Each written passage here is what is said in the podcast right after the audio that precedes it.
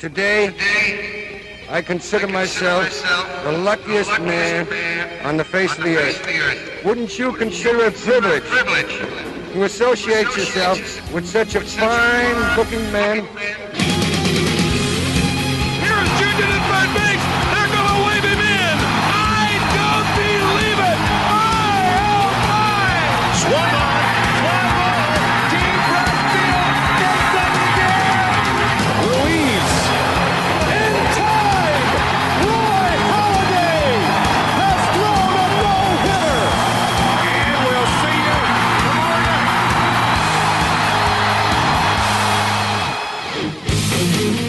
Het is een kort weekje voor Just a Bit Outside, want na een break van slechts een paar dagen zijn we alweer terug met een nieuwe aflevering van Sport Amerika's MLB Podcast.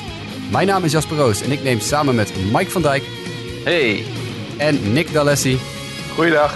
het nieuws van de afgelopen week in het Amerikaanse honkbal door. Maar voordat we dat doen heb ik een korte dienstmededeling en dat is de volgende. Just a Bit Outside gaat zoals het er nu uitziet ook op All-Star Break. Dat komt namelijk door de tijdelijke samenwerking die Sport Amerika en de Honkbalweek Haarlem aan zijn gegaan op het gebied van verslaggeving en media. Ik zelf vertrek namelijk eind deze week met onze studioapparatuur en loopmicrofoons en de hele bende voor 10 dagen naar Haarlem voor een dagelijkse Honkbalweekcast vanuit het Pim Stadion. Dat is natuurlijk heel super tof en heel leuk en op die manier brengen we toch weer honkbal bij een groter publiek en hopelijk deze podcast ook bij een groter publiek. Maar dat betekent wel dat het vrij moeilijk wordt om ook nog een MLB-podcast te maken. Dus wil je nou per se je honkbalfix hebben, hou dan even zeker het Twitter-account van eh, de Honkbalweek in de gaten of mijn Twitter-account, Jasper. Want daar ga je toch zeker de link naar de dagelijkse Honkbalweekcasts terugvinden. Nou, mochten er nou luisteraars zijn die het leuk vinden om even gedachten te komen zeggen in Haarlem als je toch bent, hartstikke leuk, kom even langs. Ik, eh, ik ben er de hele week en ik geloof dat er ook nog wel meerdere Sport Amerika mensen verspreid over de week langskomen. Mike, jij komt ook volgens mij? Yes, ik eh, ben er ook een van de dagen, zo niet twee, maar we moeten nog even kijken. Nou, hartstikke tof. Dus, eh, dus als je denkt van ik kom eens even langs, ik kom even hooi zeggen, vind ik heel leuk. Dus eh, doe dat zeker. Dat gezegd hebben de, de enquête staat ook nog steeds online. Dus als je die nog niet hebt ingevuld, doe dat toch eventjes. Dat vinden we ook super tof. Link kan je terugvinden op eh, nou ja, onze Twitter-account, mijn Twitter-account. Of ja, stuur me even een tweetje, dan mail ik hem of stuur ik hem direct naar je toe. Dat was even het dienstmededelingenblokje dat ik vooraf wilde doen. Dat waren allemaal dingen waar ik het dus wel over wilde hebben. Maar we beginnen de show natuurlijk altijd met dingen waar we het niet over willen hebben. Mike, waar wil jij deze week absoluut niet over hebben? Ik wil het deze week absoluut niet hebben over de meltdown van Carlos Gomez. Hoe episch die ook was, maar we zijn van Carlos Gomez gewend dat het is een beetje Jantje eh, zingt, of het is Jantje lacht, Jantje huilt. Eh, nou, in ieder geval, Carlos Gomez, eh, epische meltdown, maar honkbal onwaardig verder. Dus gaan we het niet over hebben. En dat komt natuurlijk echt weken nadat eh, Gomez de gast was bij de Yahoo Sports MLB podcast. En daar eigenlijk als een heel sympathieke, rustige jongen overkomt. Die, eh, ja, die toch af en toe zijn fratsen wel heeft. Maar het was inderdaad een vrij, eh, een vrij legendarische. Die arme, arme coolbox, die, die moest behoorlijk eh, bekopen. Ja. Ja, ik wilde het net zeggen, die coolbox, poeh. Nou, arme jongen. hey, Nick, waar wil jij het absoluut niet over hebben deze week? Eh, er kwam een einde aan de streak van Alcides Escobar van de Kansas City Royals. Hij startte 421 games op rij eh, voor, de, voor de Royals op shortstop. Maar hij kreeg een dagje rust zondag. Nou is Alcides Escobar echt een van de minst relevante honkballers op de velden. Het is onbegrijpelijk dat hij zo'n streak heeft neer mogen zetten. We gaan het er verder niet over hebben. Laten we dat dan maar niet doen. En we hebben het waarschijnlijk ook voor het allerlaatst, of we gaan het nu voor het allerlaatst hebben over Colby Rasmus. Want we gaan het niet over Colby Rasmus hebben, want hij is wederom weggelopen bij het spelletje. Vorig jaar ook al, hè? Tampa Bay Rays speelde hij toen. Toen halverwege het seizoen was het ook al einde verhaal. Nu is hij terug bij de Baltimore Orioles. En na 18 slagbeurten in de majors heeft hij ervoor gekozen om wederom weg te lopen bij honkbal. Dus einde Colby Rasmus gaan we het ook verder niet meer over hebben. Ja, waar we het natuurlijk wel over willen hebben zijn onze momenten van de week. Want er was wel weer heel veel gaafs te zien de afgelopen week. En Nick, ik wil met jou beginnen. Je had Ja. hem al vrij vroeg geclaimd, hè, deze? Ja, ja, ja. Will Myers van de San Diego Padres. Mijn eigen, eh, nou ja, ik wou bijna zeggen DL West, maar het is natuurlijk de NL West. Eh, hij, is hij is een half jaar uit geweest. Hij is eindelijk weer terug. En Will Myers lijkt eindelijk een beetje, ja, eh, zijn stroke weer teruggevonden te hebben. Hij eh, sloeg zaterdag drie, home, runs in eh, een verloren wedstrijd van 20 tegen 5 tegen de Nationals. Dat is trouwens een record. Het wedstrijd hiervoor, waarin drie homers werden geslagen door, het verliezende team, eh, door één speler van het verliezende team, was het verschil maar 9 runs. Hier 15, 20-5. En op zondag ging Will Myers nog maar even door. Hij ging eerst 0 op 5 eh, Maar sloeg in de 16e inning uiteindelijk de winnende home run. waardoor de Padres wonnen. Hij heeft dus in twee dagen vier home runs geslagen. Hij lijkt weer helemaal terug voor de Padres. En dat is goed nieuws voor de Padres en voor de NOS. Jouw, eh, jouw speler van de week dus eigenlijk een soort van... Ja, zeker. Mike, wat is, eh, wat is jouw moment van de week? Volgens mij heb jij een persoonlijk eh, tintje gegeven aan je moment van de week. Yes, het was eh, moeilijk kiezen, dus ik ben gegaan voor eh, iets wat ik zelf heb gezien. Eh, afgelopen maandag, Atlanta Braves spelen uit bij de New York Yankees. En ik zit naast mijn vader, wat een groot Yankees-fan is, in de eerste inning. Aaron Judge, je ziet hem voor het eerst aan slag. Ik zeg van, eh, nou, eh, en, eh, wat verwacht je? Hij zegt, nou, laten we het eerst maar waarmaken. En twee slagballen, twee slag, nul wijd. Ik denk van, nou, eens even kijken hoe dit gaat aflopen. Wat denk je dat hij doet? He goes yard. Het is echt indrukwekkend om, om een keer mee te maken, Aaron Judge. Het fenomeen. Ik wou zeggen, je zegt, eh, ik zat naast mijn vader naar die wedstrijd te kijken. Je bedoelt dat je in Yankee Stadium naast je vader die Klopt. wedstrijd zat te kijken, toch? Klopt, Ja, nee, klopt. oké, dat we dat even duidelijk hebben. Niet op de bank samen tv zat te kijken of zo. Ja. Ja, ja. Dus, eh, Is hij echt zo eh, groot in het echt? Ja, ja, hij is huge. Maar ook gewoon als je het hele fenomeen ook meekrijgt in het stadion. Hoe iedere keer als hij, als hij het aan de slag komt, het stadion meeleeft en dergelijke. Je hebt gewoon het gevoel van er gaat nu iets speciaals gebeuren. En ja, hoe die dan omgaat met die druk.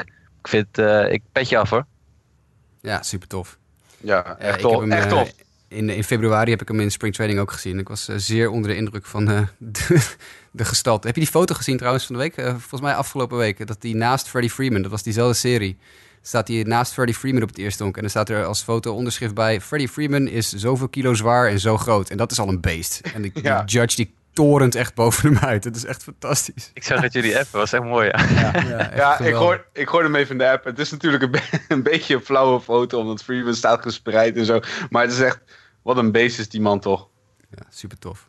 Eh, wie ook een beetje beast mode ging, en dat is dan eh, mijn moment van de week, dat is de, eigenlijk de hele Washington Nationals aanval, maar dan vooral de heren Reynolds en Turner. Eh, Reynolds die 10 RBI's in één wedstrijd sloeg, ging 5 uit 5 in die pot. Dat is wel een stevige, stevige ja, optreden, denk ik. Eh, Dennis Jansen, onze vaste luisteraar, tweette dat ook al naar ons als potentieel moment of de week. Maar ik voeg daar toch nog even ook het optreden van Trey Turner aan toe, die 8 RBI's in één wedstrijd sloeg. Dus de, ja, de Washington Nationals aanval, twee spelers die goed zijn voor 18 RBI's. Nou, dat, dat ga je niet veel meer zien. Dus de Washington Nationals aanval eh, krijgen niet van, van Bryce Harper wat ze nodig hebben. Dus moeten ze het maar bij Reynolds en Turner vandaan halen. Dat is ook wel een, eh, een aardig detectivebureau zou dat zijn, Turner en Reynolds. Maar goed, is, eh, Of law firm. ja, law form of Turner, Reynolds en RBI. Ja, inderdaad. Eh, maar goed, dat waren mooie momenten van de week. Eh, het, eigenlijk stond het nieuws van deze hele week natuurlijk alleen maar ging het om eh, ja, de All-Star stemming, die namelijk ten einde kwam. We hebben het al meerdere keren gehad over de All-Stars. Maar het is nu definitief rond. Het is bekend wie er de All-Star Game ingaan en, en wie hun clubs mogen vertegenwoordigen. En er zaten een paar leuke bij. Dus we gaan ze eventjes... eh, ten eerste gaan we de, de, spelers die daadwerkelijk eh, gekozen zijn even kort doorlopen. Dan gaan we nog even wat snubs bekijken, want die zijn er toch ook altijd. En we nemen ook de final vote nog even mee. Mike, jij hebt je opgeofferd om de American League aan ons voor te stellen. Leef je uit. Ik, ik, ik- het voelt niet echt als opofferen, want dit is een line-up om echt bij, eh, om van te likken baarden. Eh, op het eerste honk, jouw grote vriend, Jose Abreu. Hij heeft Dus, het eh, gehaald. Het, het, heeft, eh, het heeft geholpen. Eh, vijf keer stemmen per dag. Een maand lang ongeveer. Wat is het? In ieder geval, hij is de startende eerste honkman voor de American League. Op het tweede honk, Jose Altuve van de Houston Astros. Ehm, op het derde honk, Jose Ramirez van de Cleveland Indians. Korte stop is Manny Machado, nu nog in de American League, uitkomend voor de Baltimore Orioles. In het outfield staan Mookie Betts van de Boston Red Sox, Mike Trout van de eh, Los Angeles Angels en Aaron Judge van de New York Yankees. En als je dan even heel kort door de pitchers heen gaat en de reservespelers. De pitchers, dat zijn niemand minder dan Trevor Bauer van de Cleveland Indians. Daar is Nick eh, een groot fan van, toch Nick? Zeker, zeker. Terecht, de- deze verkiezing? Nou ja, 100%. Hij staat echt een jaar te gooien waar je u tegen zegt. Kijk, dus het eh, zou jou ook niet verrassen als hij de wedstrijd misschien wel gaat beginnen. Nou, daar moeten we niet overdrijven. Maar hij verdient zeker om in de All-Star Game aanwezig te zijn. En zeker om in de eerste drie, vier inningen een uh, inningje te gooien. Maar laten we eventjes wel eh, bedenken dat, eh, dat Trevor Bauer niet een di- directe kwalificatie is voor de All-Star team. Want hij is de vervanger van Justin Verlander, die zondag moet gooien en dus niet beschikbaar is voor de All-Star game. En Trevor Bauer is aangewezen als zijn vervanger. Ja, dat vind ik wel. Het is- Trevor Bauer gewoon een jaar. Ja, die, die hoort gewoon rechtstreeks in de All-Star Game te gaan. En natuurlijk is de American League vrij sterk op het gebied van pitching, hè? Precies, Dat want is waar, zeker. Ja. als we dan kijken naar de, de andere namen die er zijn. eh, Jose Barrios van de Minnesota Twins. Aroldis Chapman, New York Yankees. Garrett Cole, Houston Astros. Hebben we het ook vaak over gehad. Edwin Diaz, vorige aflevering volgens mij nog eh, kort Yep. besproken. Seattle Mariners. Eh, J.A. Happ van de Blue Jays. Opvallende naam, maar misschien als een van de weinige Blue Jays aanwezig. De enige. Ja, precies. En eh, Joe Jimenez van de Detroit Tigers. Craig Kimbrell, Boston Red Sox. Corey Kluber van de Cleveland Indians. Chris Sale, Boston Red Sox. Luis Severino van de New York Yankees. En Blake Trainen van Ja. de Oakland Athletics. En inderdaad, zoals je al terecht opmerkte, Justin Verlander werd ook verkozen tot, de, eh, tot het All-Star team. Maar omdat hij eh, vlak voor, voor de All-Star break nog in actie komt, zou hij in ieder geval geen optreden maken tijdens de All-Star game. Nee. En dan hebben we nog bij de aanval, eh, volgens mij heb je Wilson Ramos als catcher nog even overgeslagen en JD Martinez als DH ook. Of eh, zat ik even op te, niet op te letten toen je dat zei? Dat klopt, dat klopt. Ja, cool. Nou, dan hebben we het best een aardig, aardig line-upje. Volgens mij wil je niet tegen ballen als je de tegenstander bent. Maar ja, goed. Ik bedoel, eh, zitten er verrassingen in de, in de starting line-up voor jullie? Ik denk niet echt veel. Als Nee, het is een hele-. Echt een hele, hele sterke, sterke offense hebben ze daar staan. Dat zijn echt de grote namen die ook nog presteren dit jaar. Eh, die horen allemaal in die, in die game te staan. Ik zie, ik zie niet zo snel een probleem daar. Diepe bank ook, hè? Met, eh met Salvador Perez, Mitch Moreland, Gleyber Torres, Francisco Lindor, Alex Bregman, Michael Brantley, George Springer, Ma- Mitch Haniger, Shin-Soo Choo en Nelson Cruz. Dat is ook wel een aardige, aardige diepe bank ook. Ja. Dus eh, ja, nee. Als je Francisco Lindor natuurlijk op de bank hebt zitten, dan eh, heb je een aardige start in de line-up, denk ik. Zeker. En kijk, laten we gewoon eerlijk zijn over de All-Star eh, All-Star Game. Mijn verwachting is dat degenen die nu nog niet erin zijn, de komende week worden toegevoegd, omdat de helft weer gaat zeggen: Ik ben er niet bij. Ja, Dus, nou laten we eh, daar dan eh, inderdaad even op vooruit lopen. eh, want we hebben natuurlijk ook een final vote nog in de American League. Wie zijn daarvoor op de lijst gezet, Mike? Yes, nou, voor de final vote komen in aanmerking Boston Red Sox outfielder Andrew Benintendi, Los Angeles Angels korte stop Andrelton Simmons. Ik ga geen stemvoorkeur uitgeven, maar laat even een korte pauze vallen. Vote Simba, ja, inderdaad. Eh, Minnesota Twins outfielder Eddie Rosario, Yankees outfielder Giancarlo Stanton. Het is eigenlijk gek dat hij hierbij staat, hè? maar oké, zo is de wereld tegenwoordig. Ja. En Seattle Mariners korte stop Gene Segura. Ik vind persoonlijk, als ik eventjes al, eh, voordat ik eh, Nick aan het woord laat, misschien wat gas voor zijn voeten wegmaai, dat dit echt een heel moeilijk vijftal is om uit te kiezen. Dan Ja. vergeleken met andere jaren. Want ik, meestal kan Ja. ik er wel meteen pap mijn voorkeur uithalen. En in dit geval ben ik natuurlijk de chauffeur van de Eddie Rosario-trein geweest het hele jaar. Eh, Maar ja, eh, je kan natuurlijk niet, kan ik, ik kan natuurlijk niet, niet op Andrelton Simmons gaan stemmen. Dat lijkt me toch ook wel duidelijk. Maar ik ben toch ook wel heel erg van vote Eddie. En, eh, en ik geloof dat in onze MLB-groep op, eh, op WhatsApp er behoorlijk eh, pro-Andrew Benintendi eh, gepraat werd door de Boston Red Sox fans. Die zal het ja, ongetwijfeld gaan winnen, hem, of hij of Stanton. Want dat zijn natuurlijk de twee grootste clubs. Dus Eddie Rosario kan er wel eens een keer uitgesqueezed worden. Maar ik ben, eh, ik ben wel van Eddie. Maar ik bedoel, kan jij een All-Star game voorstellen zonder Giancarlo Stanton? Ik bedoel, ik vind dat al moeilijk. Ja, ik vind het ook moeilijk. Ja. Maar dat geeft alleen maar aan hoe, hoe, ja, hoe diep eigenlijk dat, eh, dat American League team is. hè. Het is gewoon, eh, dat gaan we zeker zo meteen zien eh, als we kijken naar de National League. Dit is gewoon de favoriet om die wedstrijd te winnen. De- deze line-up is sterk, de pitching is goed. Ik zie weinig zwakke plekken hierin, zo niet, eh, eigenlijk geen. Ehm, en ik verwacht dat dit team eh, eigenlijk een redelijk eenvoudige zege gaat boeken. Nee, nou ja, je, je zegt het Ja. zelf al.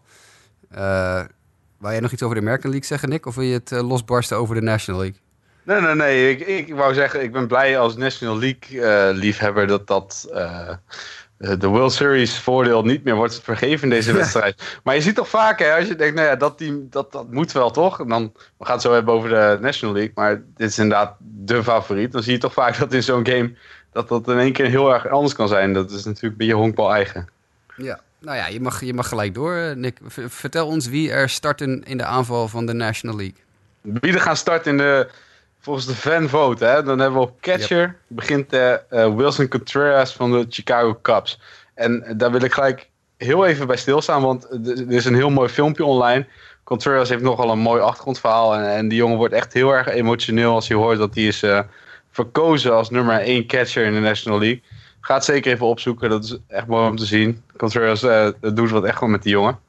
Ehm, Voor de rest eh, gaan we door naar het eerste honk. Freddie Freeman van de Atlanta Braves. Ja, dat is duidelijk. Hè? Een hele goede eerste honk kwam. Eh, het tweede honk was nog wel eh, onderwerp van discussie. Want je had natuurlijk eh, Scooter Jeanette, eh Ozzy Albies en Javier Baez. Uiteindelijk is het Javier Baez geworden. De andere twee... Fanbase. inderdaad. maar uiteindelijk die andere twee zijn reserves geworden. Ehm Nolan Arenado op het derde honk. Eh, Rockies, eh, uitstekend jaar. Brandon Crawford van de Giants, kent ook een uitstekend jaar. Staat op eh, korte stop. Outfield is wel interessant. Dus zien we eigenlijk twee namen eh, die je aan het, aan het begin van het seizoen nooit had verwacht. Nick Markakis van de Atlanta Braves. En Matt Camp, die eigenlijk alleen maar is gehaald als een soort salary dump van de Dodgers. Staat ook gewoon in de, in de line-up. En als laatste Bryce Harper van de Nationals als uh, thuisspelende team. Het is in DC dit jaar. Eh, Bryce Harper staat nou ook niet echt een geweldig jaar te slaan, maar misschien kunnen we het daar later nog even over hebben. Bryce Harper die heeft de counting stats wel, maar die staat voor, voor de rest, ja, die is eigenlijk nergens goed in behalve home runs en strikeouts op dit moment. En ook niet zo heel veel stemmen. Hè? Ik bedoel, als je het Nee. vergelijkt met... ehm, ja, heeft natuurlijk die gigantische fanbase van de Braves erachter. Maar die krijgt gewoon 3,5 miljoen stemmen. Terwijl Bryce Harper er nog niet eens de 2,5 miljoen aantikt. Nee, Dus dat is toch ook wel heel vreemd eigenlijk. eigenlijk ook wel terecht. Hij staat helemaal niet zo'n heel goed jaar nee, het is absoluut terecht. Maar je hebt door de jaren heen heb je toch heel erg gezien dat mensen hebben gestemd voor de, de sterren die ze kennen, zeg maar. Ja. En niet voor de jongens die het verdienen. Ja. Dat is dit jaar dus anders, blijkbaar. Nou ja, dat is wel een beetje een soort tegenstelling natuurlijk. Want, want aan de ene kant komt Harper er dus in, op basis van zijn naam eigenlijk. Want die heeft helemaal geen fantastisch seizoen. Aan de andere kant staan Matt Camp en Markakis er echt puur en alleen om de prestaties van dit jaar. Want die zou je nog geen stuipers geven voor, het, voor dit jaar. Nee, en wie zat jij dan liever op, eh, op eh, op Bryce Harper zijn plekje gehad van de reserve-outfielders? Dat zijn in dit geval Lorenzo Kane, Christian Yelich en Charlie Blackman. Ja, Blackman heeft ook echt een dramatische laatste anderhalve maand. Yelich is een tijdje geblesseerd geweest. Kane is wel oké, maar is die beter dan Harper op dit moment? nee, hij is niet beter dan Harper. Dan ga ik misschien jou tegen het zere been eh, stoten. Maar ik, ik zou graag Juan Soto zien op die plek. Ja, Oh nee hoor, daar, stoot je me helemaal niet tegen. Ik heb altijd geroepen dat ik Soto een geweldige honkballer vind, maar niet vind dat hij in de All-Star Game hoort. En dat heeft het ook niet gehaald. Dus dat scheelt. eh. nee, dat, hij heeft het nog niet eens gehaald als reserve. Maar ik, ik, ja, die staat zo ongelooflijk te beuken als 19-jarige. Dat ik, ja, ik weet het niet. Ik zie liever dan als Nationals afgezand in die, af- in die, in die outfield. Zie ik liever Soto dan Harper op dit moment. En dat is, dat is best wel sterk eigenlijk. Ja. Nee, mochten Ja, mensen zich afvragen waarom is Soto überhaupt niet eh, op het roster. Soto heeft, kwalificeert nog niet voor de betting title en zo. Die heeft nog veel te weinig slagbeurten. En dan kwalificeer je automatisch ook, geloof ik, niet helemaal voor de All-Star Game. Dus dan, ja, dan wordt dat een beetje een kwestie van eh, net even iets te laat opgeroepen, denk ik. Ja, ja ik had hem toch graag gezien. Ehm, ja, het, is- ja, we gaan door met de reserves, want we kunnen er lang en kort over praten, maar dit is wat het is. Het is eh, aan de ene kant dus Bryce Harper op naam opgeroepen en Marquez en Camp op, op, op prestaties. Er valt ook niet echt een pijl te trekken. Mag ik, mag ik bij deze wel alvast... eh, ik claim bij deze Bryce Harper voor onze Home Run Derby contest. Wie, wie pikt wie? Kijk, er is nog geen deelnemer behalve Bryce Harper. ik denk wel dat hij dit gewoon gaat winnen. Hè? Dit is Ja, zeker. Ja. without a doubt. Ja, ja, dan gaat hij winnen. Zeker in eigen huis. Zeker in zijn ballgear gaat hij dat gewoon eh, eventjes doen, ja. Reserves. Reserves. Nou ja, we beginnen bij de catchers. Dat zijn Real Muto, eh, eh, Real Muto en Posey. Op zich de bekende namen. Real Muto staat echt uitstekend te slaan dit jaar. Dat zou misschien wel de startende catcher moeten zijn. Eerste honk dan Paul Goldsmith. En Joe, de Goldschmidt-bel. De Goldsmith bel. Hij is, hij is, die is net zo aan als dat Goldsmith is op dit moment. Echt een dramatisch begin van het seizoen, maar uitstekend inmiddels. Joey Votto op het eerste honk. Nou, dan die twee, twee eh, snaps, eh, zoals we dat zeggen. Dan op het tweede honk Ozzy Albies. En Scooter Jeanette, waarvan ik de vorige podcast zei dat Scooter Jeanette de starter zou moeten zijn. Derde honk hebben we Eugenio Suarez. Short op korte stop hebben we Trevor Story. En zoals jij al noemde hebben we Charlie Blackman, Lorenzo Kane en Christian Yelich in de outfield. En de pitching staff, die eh, ren ik dan even heel snel door. Want ook daar zitten natuurlijk wel echt goede namen bij. Eh, het is niet zo goed als de American League, waar natuurlijk eh, Severino en Verlander en Kluber en Bauer en Garrett Cole, ace na ace na ace na ace. Maar het begint toch met Max Scherzer. Dat is toch best een aardige opening. Dan heb je Jacob de Grom, John Lester en Aaron Nola en Patrick Corbin. Nogmaals, het zijn allemaal heel goede werpers, maar ik zou ze niet op het niveau zetten van de American League staff. Eh, Mike Voltenevich van de Braves heeft het ook gehaald. Miles Mikolas vind ik super mooi. Die gozer komt uit Japan, heeft een paar jaar in Japan gehonkbald. En die doet het zo goed dat hij eh, aan de All-Star Game is toegevoegd. Ook volledig terecht. En op relief front hebben we natuurlijk eh, Josh Hader, de beste reliever op aarde. Kenley Jensen, een van de beste relievers op aarde. Sean Doolittle, Brad Hand van de Padres en Felipe Vasquez. Die laatste twee zijn natuurlijk hun, af, hun enige afgevaardigden van hun team. Eh, deze pitching staff is niet zo goed als de American League, volgens mij. Nee.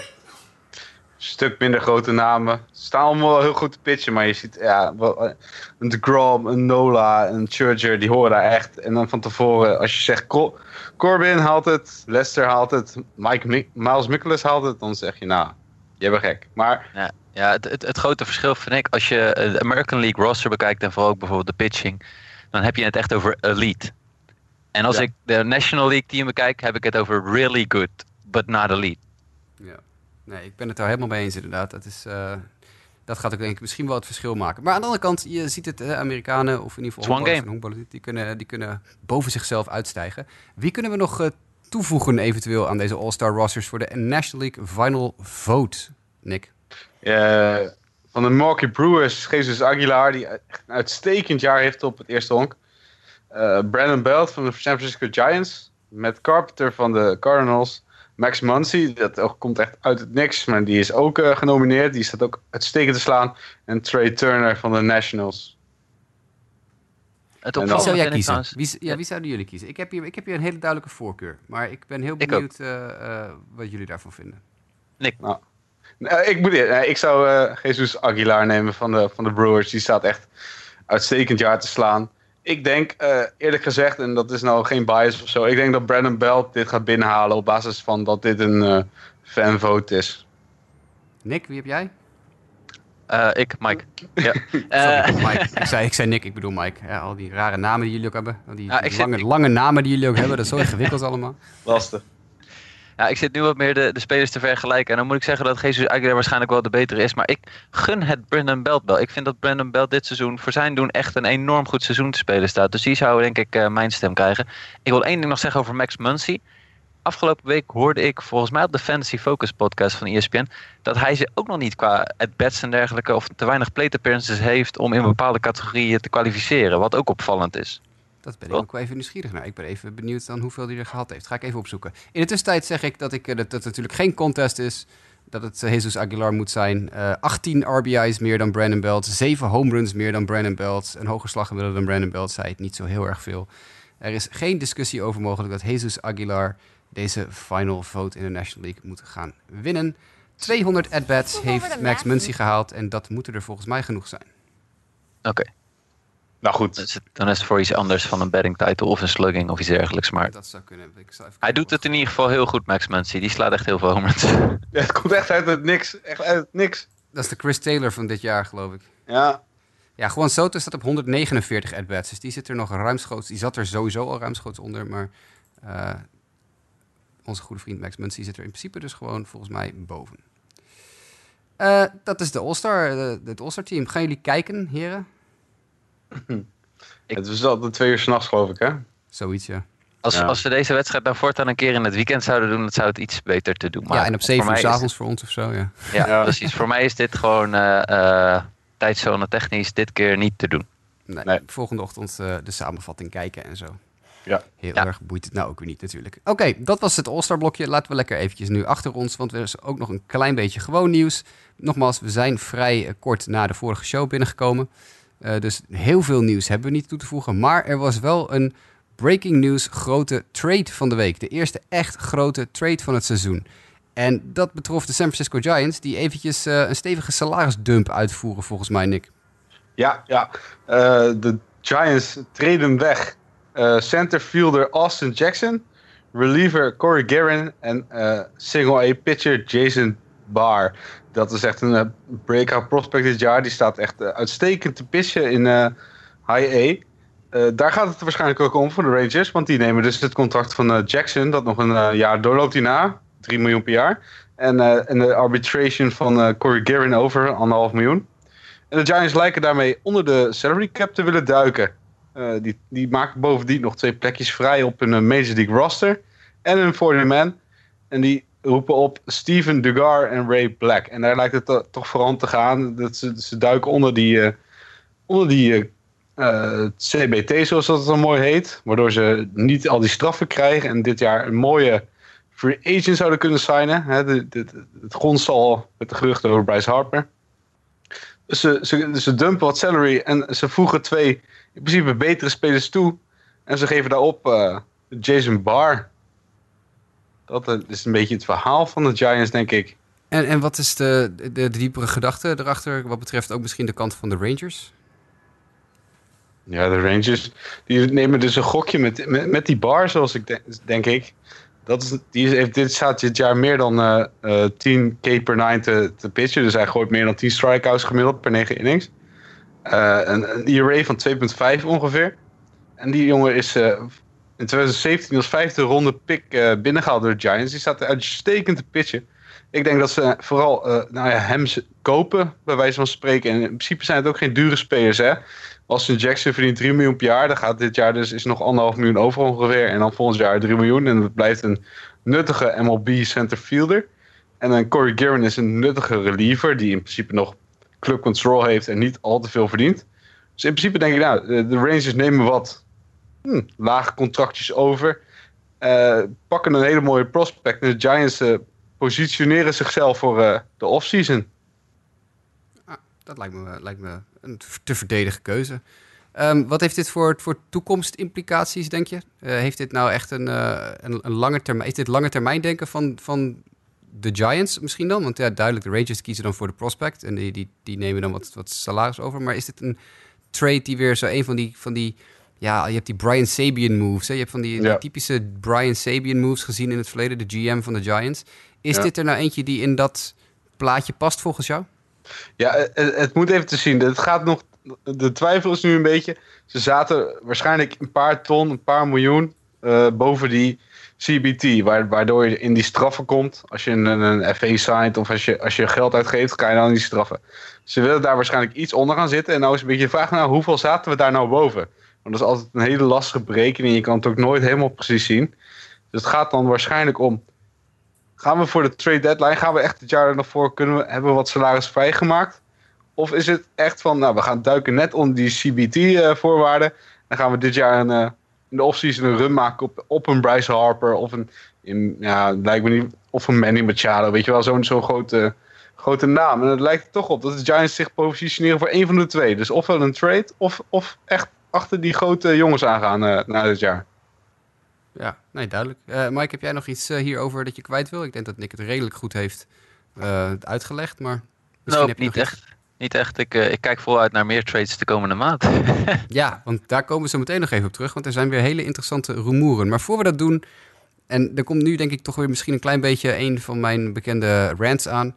Want, dus ik zag net op internet staan, Henry Mejia, de reliever van de New York Mets, die een tijdje geleden voor het leven is geschorst na drie positieve dopingschorsingen enzovoort enzovoort.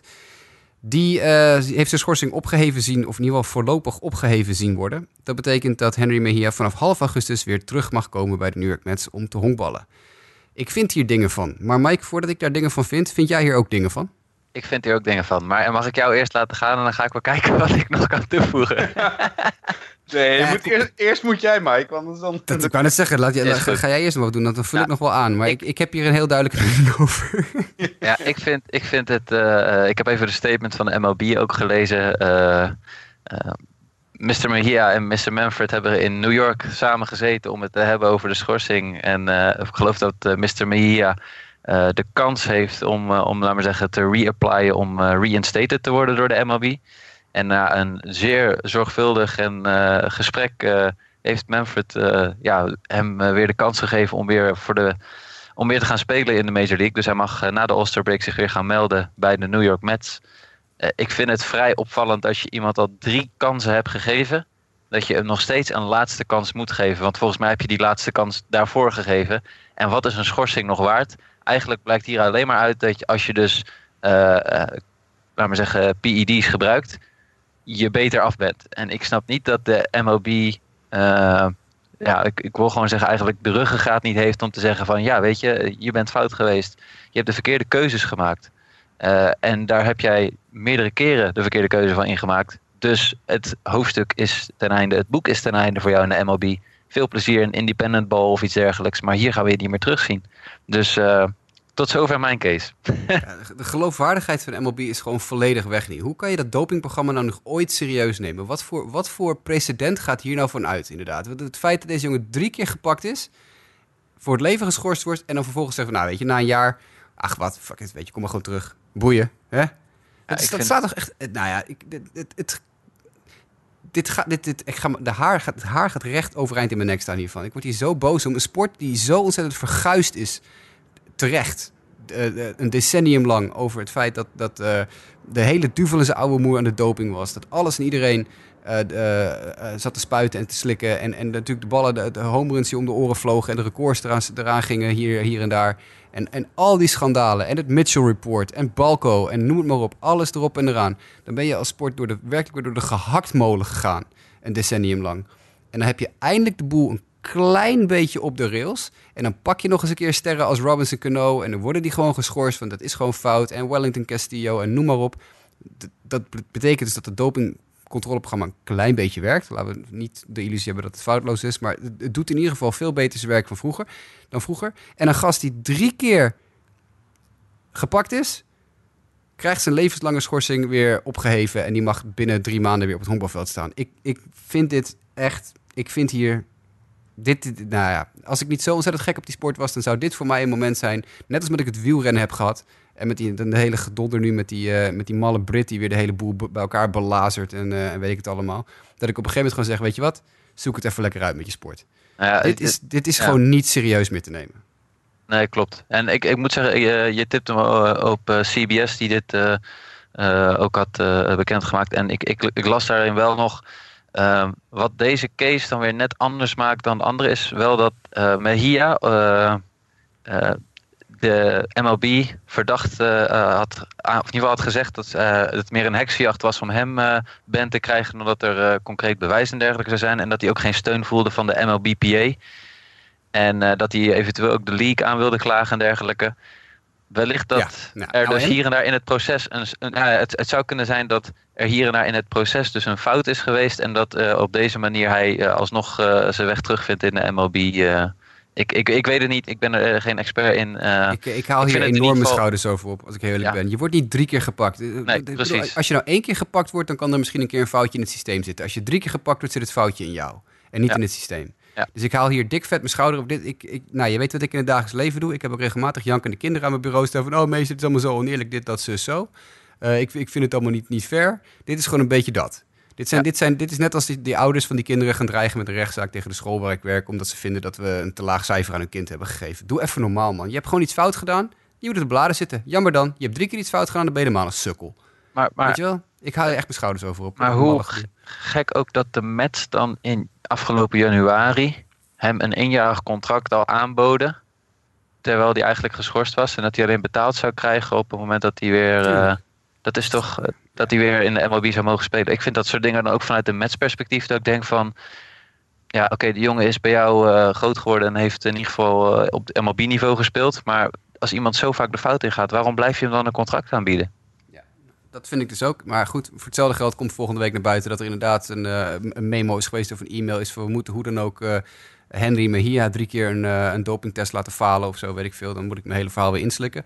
Maar de informatie die ik nu heb, vind ik het bespottelijk. En dan hebben we het nu al lang genoeg gehad over Henry Mejia. Want voor de rest, voor mij betreft, zien we die gast nooit meer op een honkbalveld terug. Wie we dit jaar ook niet meer op een honkbalveld terugzien. is, hey, Justin, eat your heart out voor mijn bruggetjes. Uh, Danny Salazar, die is namelijk eruit voor het jaar. Dat is, dat is niet echt nieuw nieuws. Nick zei dat terecht. Het was al vorige week al bekend, maar we hebben het in onze vorige show niet genoemd. En ik denk toch dat we eventjes stil moeten staan bij het verlies van Danny Salazar. Toch ook ooit onderdeel van een, een integraal onderdeel van de, de ace rotation van de Cleveland Indians. Uh, wat heeft dit voor gevolgen voor de Indians op dit moment, uh, Nick? Ja, hij hoort natuurlijk bij de grote drie. Kluber, Salazar en Carrasco. op dit moment is die grote drie meer uitgebreid met Clevenger en Bauer. Um, ja, wat het voor gevolgen heeft, op dit moment lijkt het nog niet heel erg groot. Ze hebben natuurlijk een hele jaar al zonder hem moeten doen.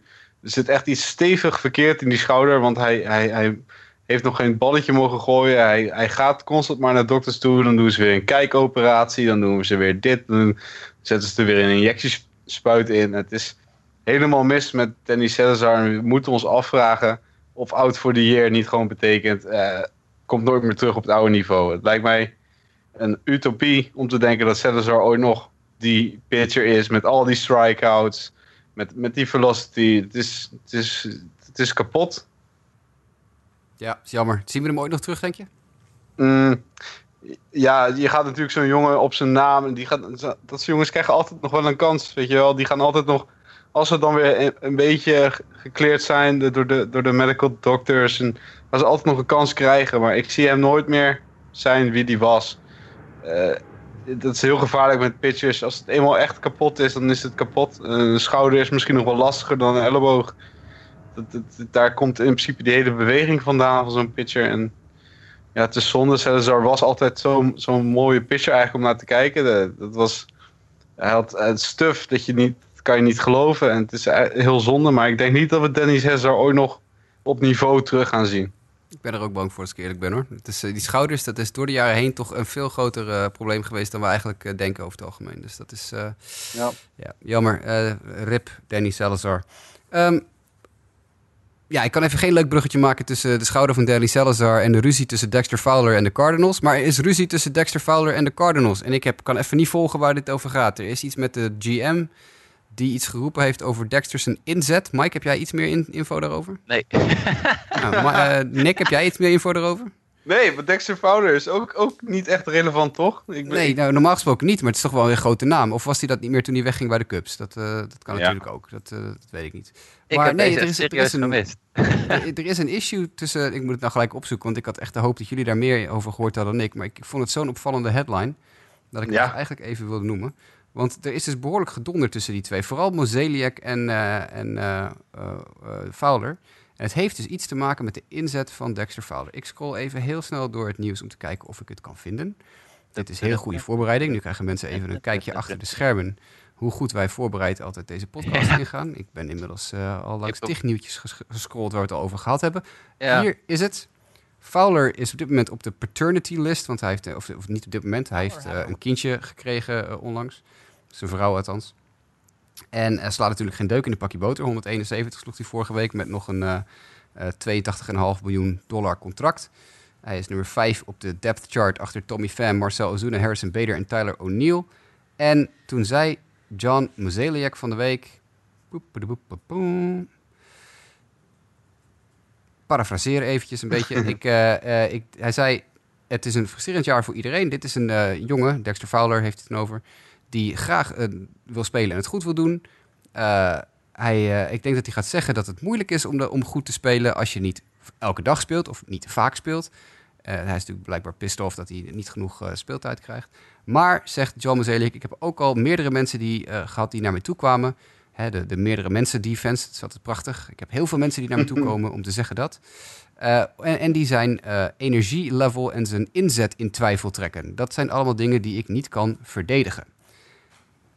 Dat Ja. is dus wel een problematisch dan- iets als je GM Ja. roept dat je niet hard genoeg speelt. En, en, en dan zoek je de pers op om dat even te communiceren in plaats Ja. van dat je naar hem toe loopt en dat eh, adresseren. Ja, dat vind ik echt heel, heel chic van de team president van de Cardinals. Ja, dit, dit, gaat, eh, dit gaat niet goed aflopen. Hij zei het ook Nee. in, in het geval van Dexter. Misschien moet hij eventjes een korte time-out nemen. Even zichzelf opnieuw bekijken. En dan een eh, kans voor een sterke eh, tweede helft van het seizoen is wel wat iedereen, waar iedereen beter van wordt. Waar hij dus niet gaat zeggen dat het gaat gebeuren. Maar hij zegt dat het beter is voor iedereen als dat zou gaan gebeuren.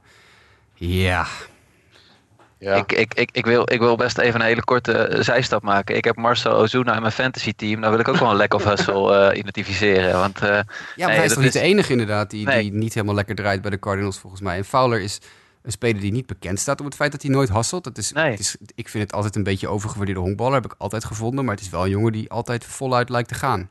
Ja, maar ik vind het sowieso in die zin een hele opvallende van waarom. Eh, De Cardinals staat altijd bekend om eigenlijk een hele goede, eh, degelijke honkbalorganisatie. Waarom wordt dit via de pers gespeeld? Ik begrijp daar echt, dat begrijp ik echt niet. Nee. Eh, als er intern problemen zijn, dan los je dat toch op binnen de clubhouse en, eh, en in dit geval in de kleedkamer. En ik, ja, ik heb Dexter Fowler, vind ik altijd een sympathieke, leuke speler om te zien. Waarvan ik altijd de indruk heb dat hij heel veel plezier heeft in het spelletje en er vol voor gaat. Eh, maar goed, blijkbaar is dat in St. Louis is daar een ander beeld van. ja. Nou, het, werd ook nog gezegd tijdens dat eh, dus eh, Fowler weg was op paternity leave, omdat eh, dat hij een kind aan het krijgen was. Dus dat is ook weer een heel, heel chic moment om dat dan de media in te knallen, inderdaad. hey, Nick, stel je bent nu een GM van een ander team en je denkt, hey, ik heb nog wel een outfielder nodig. Ga je dan nu proberen om Dexter Fowler los te weken bij de Cardinals en misschien een dealtje te maken dat ze flink wat van dat contract opeten of zo, om van hem af te zijn? Ik zit even te denken. Welk team? Miami Zo, Marlins. Maakt niet uit, maakt niet uit. Een fictief team. Ja. Ieder, je- stel je voor, jij bent GM Ja. van, de, van de Lake Elsinore Huppeldepup Bees en jij wil een outfielder erbij hebben. Ja, dus dan moet ik eigenlijk wel vier outfielders hebben die... Ik moet dus zeg maar, de vierde outfielder moet minder zijn dan Dexter Fowler om hem te nemen. Met, met, Op dit moment, ja. ja. Nee, ik... eh, nee, dan... Ik, ik, ik kijk lachend toe vanaf de zijlijn, denk ik. Ehm, Dexter, Dexter Fowler, die, ja, die presteert zelf ook nog niet zo goed. Dan krijg je dit soort ruzies. Kijk, en dan denk je... Ik denk nou gelijk, er heeft wat achter de schermen afgespeeld. Er is wat gezegd, er is wat persoonlijks gemaakt. D- dit is een soort vete aan het worden. Eh, dit is niet, niet omdat Dexter Fowler nou eh, onder zijn kunnen staat te slaan. Want dat, dat slaat hij wel. Hij staat onder zijn kunnen te slaan. Eh, dat komt niet omdat hij een kindje heeft gehad. Dat komt niet omdat hij wat ouder aan het worden is. Hij is nog best op leeftijd. Eh, dat komt gewoon. eh, dit, dit is echt zo'n puur zo'n reactie waarvan ik denk, nou ja, er is wat, er is wat geroepen in de gang of zo over, over iets wat iemand niet tegen kan. En dan gaan ze dat spelen via de media. Dat is echt super kinderachtig. Ik... Maar goed, Wellicht- is niet, niet, eh, niet een nuttige honkballer of zo op dit moment. Nou, wellicht dat de Cardinals ook gewoon teleurgesteld zijn in tot dusver zijn prestaties op het veld gegeven zijn contract. En dat ze gewoon eigenlijk van hem af willen. En Ja. deze niet chique manier kiezen. Ik heb nog wat trouwens een team. Dat is niks ik- voor de Cardinals trouwens. Hè? Nee, precies. niks voor de Cardinals. Nee, dus dat is. eh, eh, ik heb nog een team eventueel eh, voor je, Jasper. Nou, Eh, ik zeg niet dat dit eh, financieel mogelijk is. Maar eh Seattle Mariners. want die hebben niet genoeg outfielders. Uh, Dr. Fowler is op zich een redelijke outfielder, zeg maar. Die zou, als Is je daar. beter dan... Wie, wie staat er nu in het centerfield daar? Het is daar outfield. Is daar nu Ben Gamble, Mitch Haniger en Guillermo Heredia of zo? Wie is dat? Precies, precies. Die, ja. Ja. Ik, zeg niet dat hij een, ik zeg niet dat hij een enorme verbetering is, maar dat zou. Ik bedoel, het is een team dat in ieder geval wel een push wil maken. Ja, eh, ja, maar als je, push, wil- als je push maakt, dan ga je niet voor Dexter Fowler. Kom nee, op. dat klopt. Dat klopt. Nee. Nou ja, dat- ik vond het ook moeilijk. Ik vond het ook moeilijk.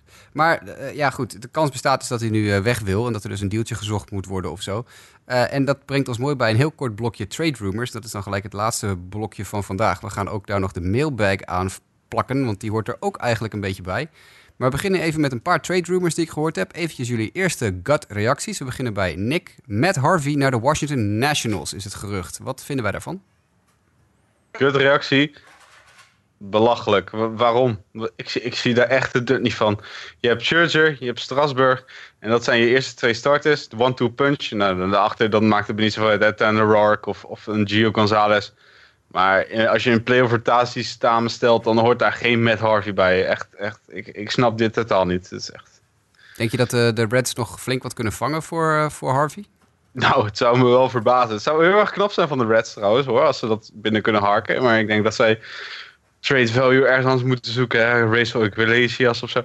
Maar met Harvey, ja, naar Washington, dat zie ik echt totaal niet gebeuren. Dan krijg je eigenlijk weer precies hetzelfde als, als, in, als waar hij vandaan komt, New York. Dat hij weer de partyboy gaat uithangen. Nee, nee, totaal geen match. En Harvey is totaal geen pitcher voor de Nationals.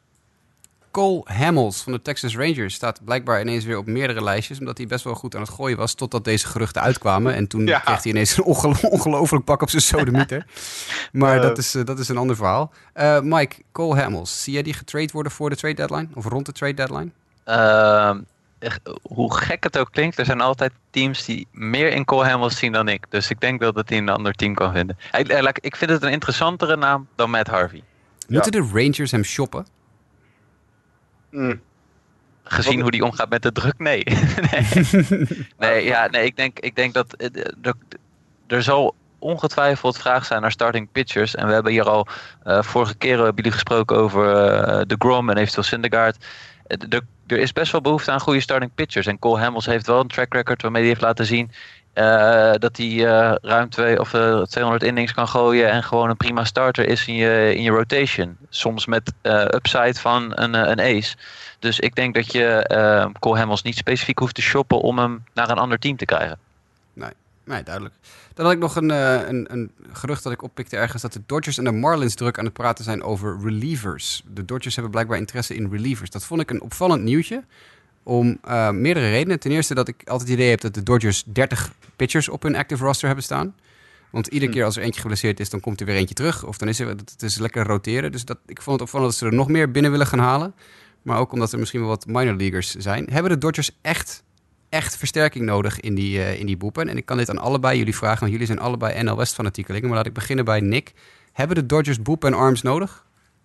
Eh, ik denk dat je als je, als je kijk, een Marlins zit in een situatie waar je op dit moment gebruik van moet maken, denk ik. Die willen graag van dat soort spelletjes af waar ze wat voor kunnen krijgen.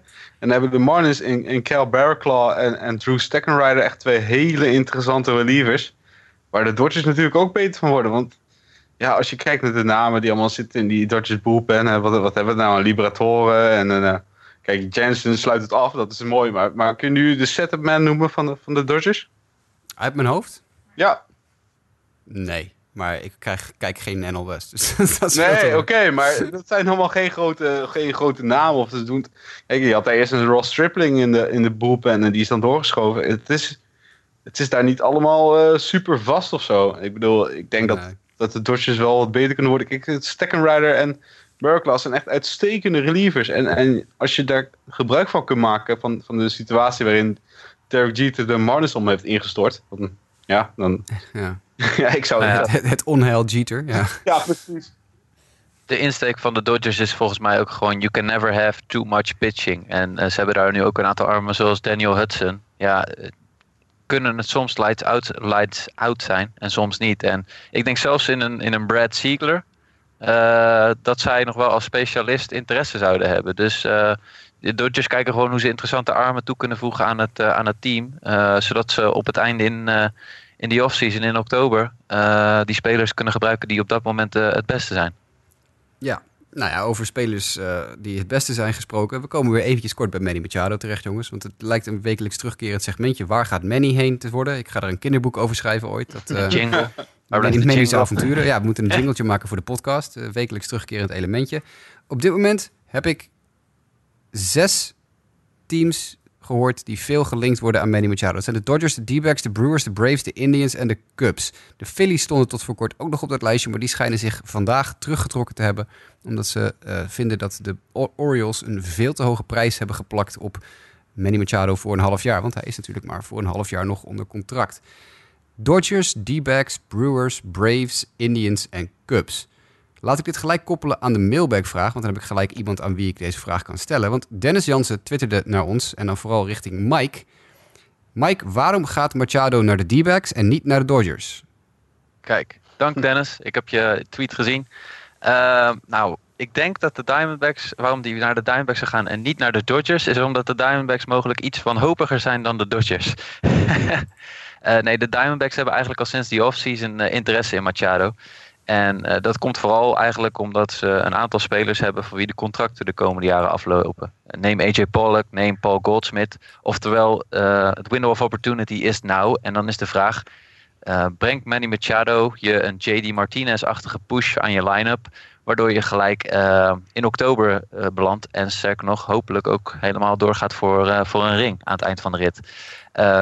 Ik denk dat de Diamondbacks op zich de meeste, het- het- laat ik zo zeggen, het, de, de, het farmsysteem van de Diamondbacks is redelijk leeg. Dus ze kunnen niet heel veel slechter zijn op dit moment qua prospects dan wat ze zijn. En als de Orioles met hun vraagprijs iets gaan dalen, kunnen de Diamondbacks wel interessante namen hebben voor, eh, voor de Baltimore Orioles. Neem een John Duplantier. Eh, wat vorig jaar volgens mij de minor league pitcher of the year was. Eh, eigenlijk kwam hij redelijk uit het niets. Eh, een redelijk goede pitching prospect. Misschien dat Jasper zo nog wat over kan zeggen. Maar ik denk dat de Diamondbacks mogelijk wel bereid zouden zijn om Duplantier eh, eh, te traden. Waar de Dodgers waarschijnlijk gevraagd wordt om iemand als Walker Bueller bijvoorbeeld naar de Orioles te, te doen. En ik denk dat de Dodgers slim genoeg zijn om dat niet te doen. Dus ik denk dat, dat de Diamondbacks bereid zijn ietsje verder te gaan dan, dan de Dodgers daarin. De Diamondbacks zijn natuurlijk behoorlijk bezig geweest met het leegverkopen hè, van hun minor league. Anthony Ja. Banda is al weg. Die gasten die ze allemaal naar de Tigers hebben gestuurd vorig jaar Ja. in ruil voor JD Martinez. En nu zou dan ja, John Duplantier, de eh, Futures Game Starter van vorig jaar zou dan opgeofferd worden. Ja. Daar hou je helemaal niks meer over. Nee, precies. En kijk, je, ehm, er zijn nu ook stemmen, althans er zijn fans die opperen het perspectief, ja, maar waarom zou je niet een White Sox move maken? Dit seizoen ben je eigenlijk niet goed genoeg waarschijnlijk om eh, toch te gaan winnen. Dus waarom ga je nu juist niet Goldsmith, Pollock en dergelijke in de uitverkoop zetten om te restocken voor over een paar jaar? Eh, wat ik ook een interessante vind. Uh, Ja. Ik denk dat de behoefte van de Diamondbacks, als je kijkt naar, naar het team, zit voor mijn gevoel veel meer op starting pitching dan specifiek een bed toevoegen aan de line-up. Maar goed, dat, eh, ehm, dat moet blijken. Ehm, zo tot, op dit moment is het gewoon de Diamondbacks zijn geïnteresseerd, alleen de Orioles vragen te veel. En dat is redelijk waarom de Phillies ook slim zijn afgehaakt. Ja, het- ik wil wel even het laatste met je inhaken. Als de D-backs een White Sox-achtige move gaan doen terwijl ze eerste staan, is wel echt het failliet van de MLB. We- Dan is het echt, we gaan met z'n allen maar rebuilden als het eventjes een beetje eh, donker lijkt in de toekomst. Nee, dat kan echt niet. Je staat eerste in de league, eerste in de divisie, kom op. Je moet er Ja. gewoon voor gaan. Kijk, je mag best een bed toevoegen of een, of een pitcher. Het maakt mij helemaal niet uit. Kijk, er is helemaal geen pitcher te krijgen. Zeker niet omdat de D-backs hebben lopen in hun eh, farm system. Dan kunnen ze echt niet een de, de Grom mee losweken. Of, of een, of een Syndergaard of stel een Boomgarner als die eh, beschikbaar wordt gemaakt. Maar om te zeggen van we gaan een White Sox-achtige move maken. Als dat wordt, al wordt geopperd, dat is, dat is echt... Dat vind ik echt... eh, Nou ja, kijk, Nee, weet je, We het punt mogen... is, ja, ga door. het, Ga door het punt is, gewoon, als je kijkt naar dit team, dit seizoen. De eerste maand waren ze geweldig. De eerste anderhalve maand. Echt het beste team in de eh, MLB. Daarna waren ze echt het slechtste team in de MLB. Ze zakten echt enorm af. Nu werden ze, waren ze weer een poosje heel goed. En eigenlijk nu de laatste week, anderhalve week, zijn ze weer een beetje shaky. Dat je denkt, dus het is, het is hot en het is cold. Het is eigenlijk bizar dat ze, dat ze, vind ik nog steeds, dat ze eerste staan in die divisie. Maar dat is voor mij wel een teken waarvan ik denk dat ze uiteindelijk tekort komen eh, in oktober. En de vraag is, is Manny Machado een rental bet? Want eh, hij speelt maar een paar maanden slash weken voor je en daarna ben je hem kwijt. Is hij de move waard om, eh, om, om daarvoor te gaan? En ik denk dat de Diamondbacks er slim aan zouden eh, doen, verstandig aan zouden doen, als ze zouden gaan voor, een, eh, voor het vinden van een starting pitcher. En als dat niet lukt, ja, wat, wat, wat zijn dan de andere mogelijkheden die je hebt? Het ligt niet voor de hand om Goldschmidt dan weg te doen of, of Pollock. Maar ik vind het wel een interessante gedachte om over na te denken. Nou, ik moet heel, ik ga ik je even op in. Dit is niet gepland, want ik wist niet dat jij een, een, eh, koppeling met de White Sox ging maken. En ik mag het van de mensen die de enquête ingevuld hebben, een aantal heeft aangegeven dat, ik, dat het te vaak over de White Sox gaat. Maar dit komt nou toevallig eventjes op ons pad. Want je zegt nu een White Sox-achtige move en dan refereer je aan wat vorig jaar en het jaar ervoor gebeurd is. Maar zijn jullie bekend met de White Flag Trade? Nou, eh, Nee. het op, opgeven van. Dus eh, ja, Nee, dit is, echt, dit, is, dit is een concrete trade. Dit is niet een algemene term, dit is een concrete trade. Ik- Het heeft zijn eigen, het heeft zijn eigen Wikipedia-pagina, de White Flag Trade. Nee. Dat is, een, dat is een precies de situatie die Nick nu beschrijft. En het schoot me meteen te binnen toen, toen jullie daarover zaten te praten. Want het is, ik ben het inderdaad een klein beetje met Nick eens. Het is heel dubieus natuurlijk om, om, om te gaan rebuilden als je hoog in de divisie staat. En dat is dus één keer gebeurd. En dat waren de Chicago White Sox en, Nick, de San Francisco Giants. En wat er gebeurde, dat was 31 juli 1997. Eh, toen hebben de White Sox, die stonden 3,5 wedstrijd achter de Cleveland Indians in de American League Central. En die hebben toen op de dag van de trade deadline min of meer opgegeven. Vandaar, ze hebben de witte vlag gewapperd, de White Flag Trade. En wat ze gedaan hebben, ze hebben drie Major League spelers naar de San Francisco Giants gestuurd. Echt belangrijke spelers. Dat waren Wilson Alvarez, Danny Darwin en Roberto Hernandez. Eh, zeker Roberto Hernandez moet Nick nog wel bekend in de oren klinken. Ja. Een relief pitcher. Drie echt Major League, goede Major League honkballers. En kregen daar zes minor leaguers voor terug. Drieënhalve wedstrijd achter de Indians voor de, de plek, eh, bovenste plek in de divisie, halverwege het seizoen. Nou, dat is natuurlijk min of meer. Hè, de, de, de chairman van de White Sox zei toen: iedereen die denkt dat wij nog Cleveland in kunnen halen, is gek. Drieënhalve wedstrijd achter, weet je wel.